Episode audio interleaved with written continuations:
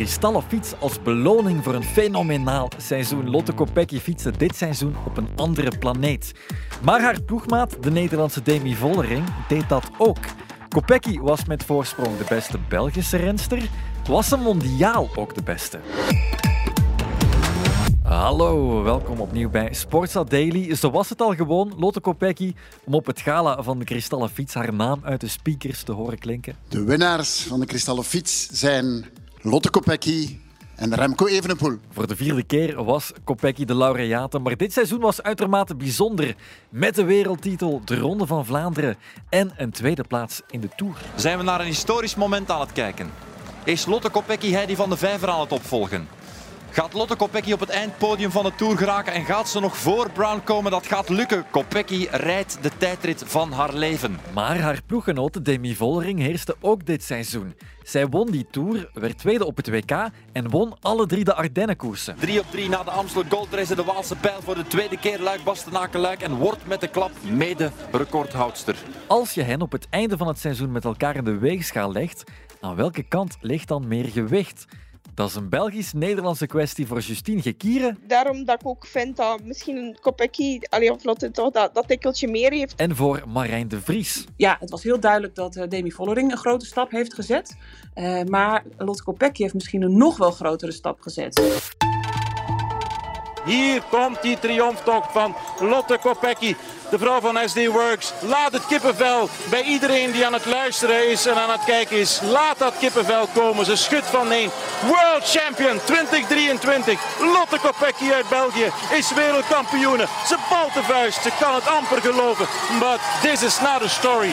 It's true. Ze is wereldkampioene. Ze deed het in de finale in Glasgow solo voor de platina kroon op haar seizoen. Haar eerste wereldtitel op de weg.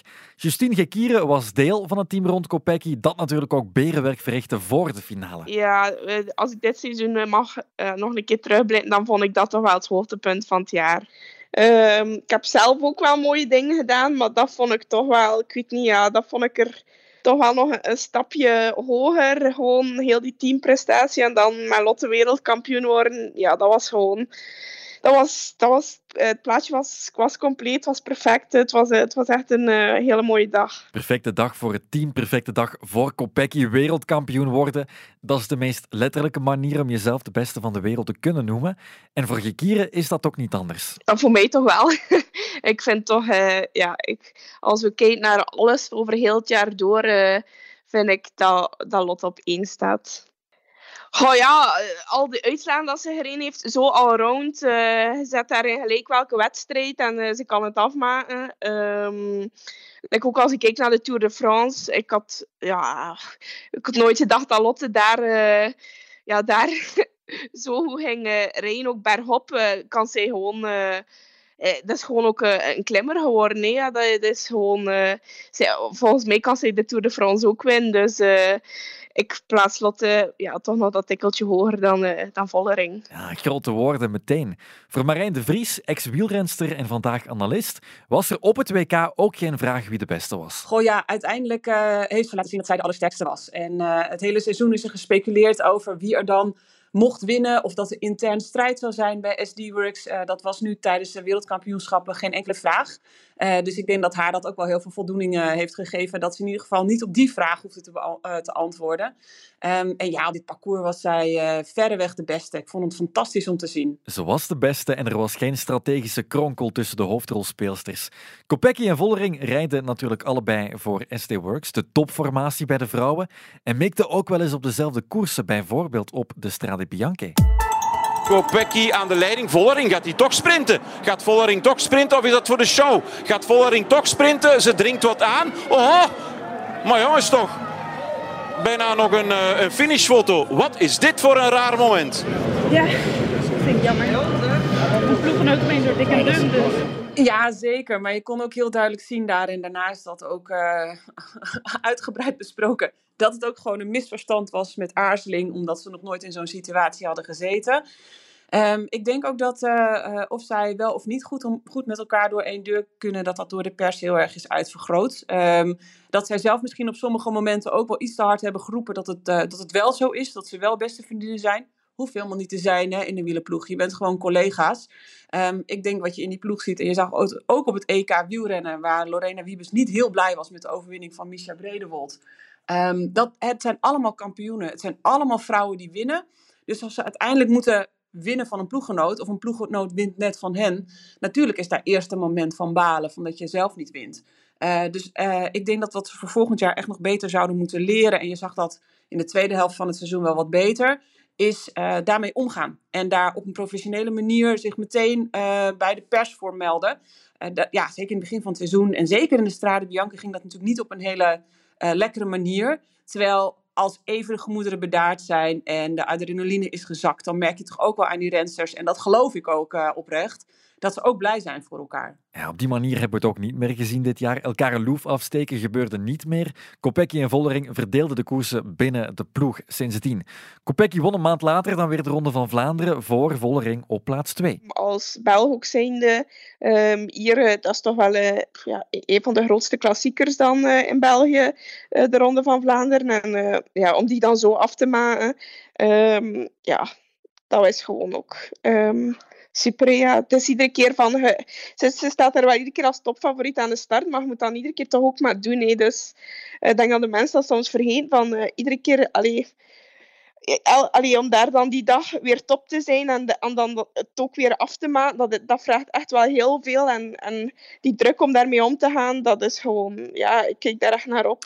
Ja, nou ja, het was natuurlijk al de tweede keer. Dus uh, één keer winnen, dat is al heel moeilijk. Maar om dan het seizoen daarna nog een keer te laten zien dat je dat bevestigt. Ja, ongelooflijk. Maar wat heeft ze dit seizoen niet gewonnen? Ze heeft bijna alles gewonnen waar ze aan meedeed. Of in ieder geval een, een goede ereplaats uh, gehaald. Ja, ik denk dat uh, uh, natuurlijk Vollering uh, heeft een fantastisch seizoen gereden, maar Kopecky is onbetwistbaar de renster van het seizoen geweest. Voilà, het rode stempotlood van de Vries is ook boven gehaald. Kopecky boven Vollering. In de Tour Fam kunnen we ze natuurlijk ook tegen elkaar afmeten. Vollering won die met sprekend gemak. Demi Vollering, die op de flanken van de Tourmalet alle duivels heeft ontbonden en van alles en iedereen is weggereden. Geen tactisch steekspel meer, gewoon de conditie en het talent en de vorm van de dag van de week te laten spreken. En Kopecky werd op wonderbaarlijke wijze tweede in het klassement, na vijf dagen in het geel en een groene trui bovenop. Iedereen uh, keek wel naar uh, Vollering om de Tour de France te winnen, maar uh, niemand dacht dat, dat Lotte daar zo ging rijden. Ik dacht, ja, dacht, allee, sowieso had ik wel uh, een vermoeden dat ze die eerste dag of dan de volgende dag wel nog ging proberen voor dat geel. Want dat waren wel etappes die er 100% lagen. Maar dan als de, de echte bergetappes kwamen en zo. En dan uh, uiteindelijk nog die tijdrit op laatste. Ja, dan had je nooit gedacht dat, dat, dat Lotte dan nog um, in het klassement zo ver ging uh, geraken. Dus um, ik vond dat wel een... een ja, ik, had, ik, allee, ik, had, ik stond er echt met open ogen naar te kijken. Ja, goede vraag. Um, als je het me van tevoren had gevraagd, ja, ik denk het wel. Want ik had verwacht dat Vollering zou winnen. Ik had totaal niet verwacht dat Kopecky tweede zou worden. Dus eigenlijk vind ik dat wel straffer, ja. ja. Uh, natuurlijk moet uh, Vollering zo'n belofte wel inlossen. Maar ze heeft het hele seizoen gezien dat ze daar, uh, laten zien dat ze daartoe in staat was. Uh, Kopecky is boven zichzelf uitgestegen. En ja, zij is ook nooit beschouwd als een type renster die dit zou kunnen. Dus dat ze dat dan kan op zo'n dag. Uh, na dus ook al zoveel dagen in het geel te hebben gereden. wat ook de nodige vermoeidheid met zich meebrengt in interviews die je moet geven. En in aandacht. En in ja, dat je dan op zo'n zo'n dag van de koninginnen etappe dus nog zoveel in je benen hebt. Fantastisch om te zien. en ongelooflijk sterk. Ik heb het hele seizoen mijn ogen uitgekeken naar alles wat Kopecky presteerde. Ook met in het achterhoofd wat ze allemaal op haar bordje heeft gehad in haar privéleven. Ja, het is, uh, uh, ik, ik heb dit nog niet vaak gezien bij een atleet. Dat je dan op deze manier daar toch mee om kunt gaan, blijkbaar. En, en ook sportief gezien zoveel stappen zet en zo sterk bent. Ja, ze zegt zelf ook, ik weet niet of ik ooit nog zo'n goed seizoen draai. Nou, ik hoop dat ze dat ook ten diepste voelt, want ze mag je zo ongelooflijk trots op zijn. De Tour van Kopecky en van Vollering was van wereldklasse en dan primeert voor allebei de bijzonderheidsfactor. We kunnen een lange lijst maken en we zijn er nog lang niet, want vergeet in de grote som die we vandaag opstellen de Ardennen-triple van Vollering zeker niet. Wat ze daar heeft gedaan, ook die, die triple, is ook, ja, is ook niet normaal. Ja. Dat is ook een, een, een prestatie waar, dat je, waar dat je u tegen zegt. Um, natuurlijk, ja, Kopecky stond daar niet aan de start, dus we kunnen niet weten hoe dat ze daar zou gereden hebben. Ehm, maar ja. Goh, ja, ik, ik vond haar daar echt fantastisch. En dat triple, als je kijkt hoeveel druk er dan uiteindelijk in Luik, Bastenaken, Luik op zat. Ehm, dat is denk ik, uh, uh, ik zou het er eens moeten vragen. Ik ben eigenlijk wel geïnteresseerd. Voor haar was de Tour de France het hoofddoel. Uh, dat ze dit erbij haalde, ik denk dat dat achteraf gezien misschien haar wel zo bevestigd heeft in hoe mentaal sterk ze is geworden, dat haar dat ook de rest van het seizoen heel erg heeft geholpen. Vorig seizoen had zij toch wel wat last van die druk. Kon ze daar moeilijker mee omgaan? Was ze meer bezig met wat denkt de buitenwereld? Wat vindt de buitenwereld? Um, in plaats van hoe voel ik mezelf en, en kan ik daar mijn kracht vinden. Uh, als je die triple kan halen, ja, ik kan me voorstellen dat die druk dan gigantisch is. De buitenwereld legt hem op, maar dat doe je ook zelf. En zij heeft nu laten zien dat ze daar dus ongelooflijk goed mee is omgegaan. Ja, dat moet haar zo'n boost hebben gegeven in haar zelfvertrouwen. Ik denk dat dat ook wel een van de redenen was dat je uh, kon zien dat ze eigenlijk de hele Tour de France heel rustig is gebleven. Tot aan de Tourmalet, waar ze natuurlijk uiteindelijk toesloeg. Um, maar ze heeft zich de hele Tour niet druk gemaakt en gedacht die laatste beklimming, die is voor mij. Um, en dat heeft het voorjaar heeft er denk ik wel heel erg bij geholpen. Het bleek inderdaad de basis waarop ze haar tour kon gaan bouwen. Zelfvertrouwen dat leidde tot zelfbeheersing.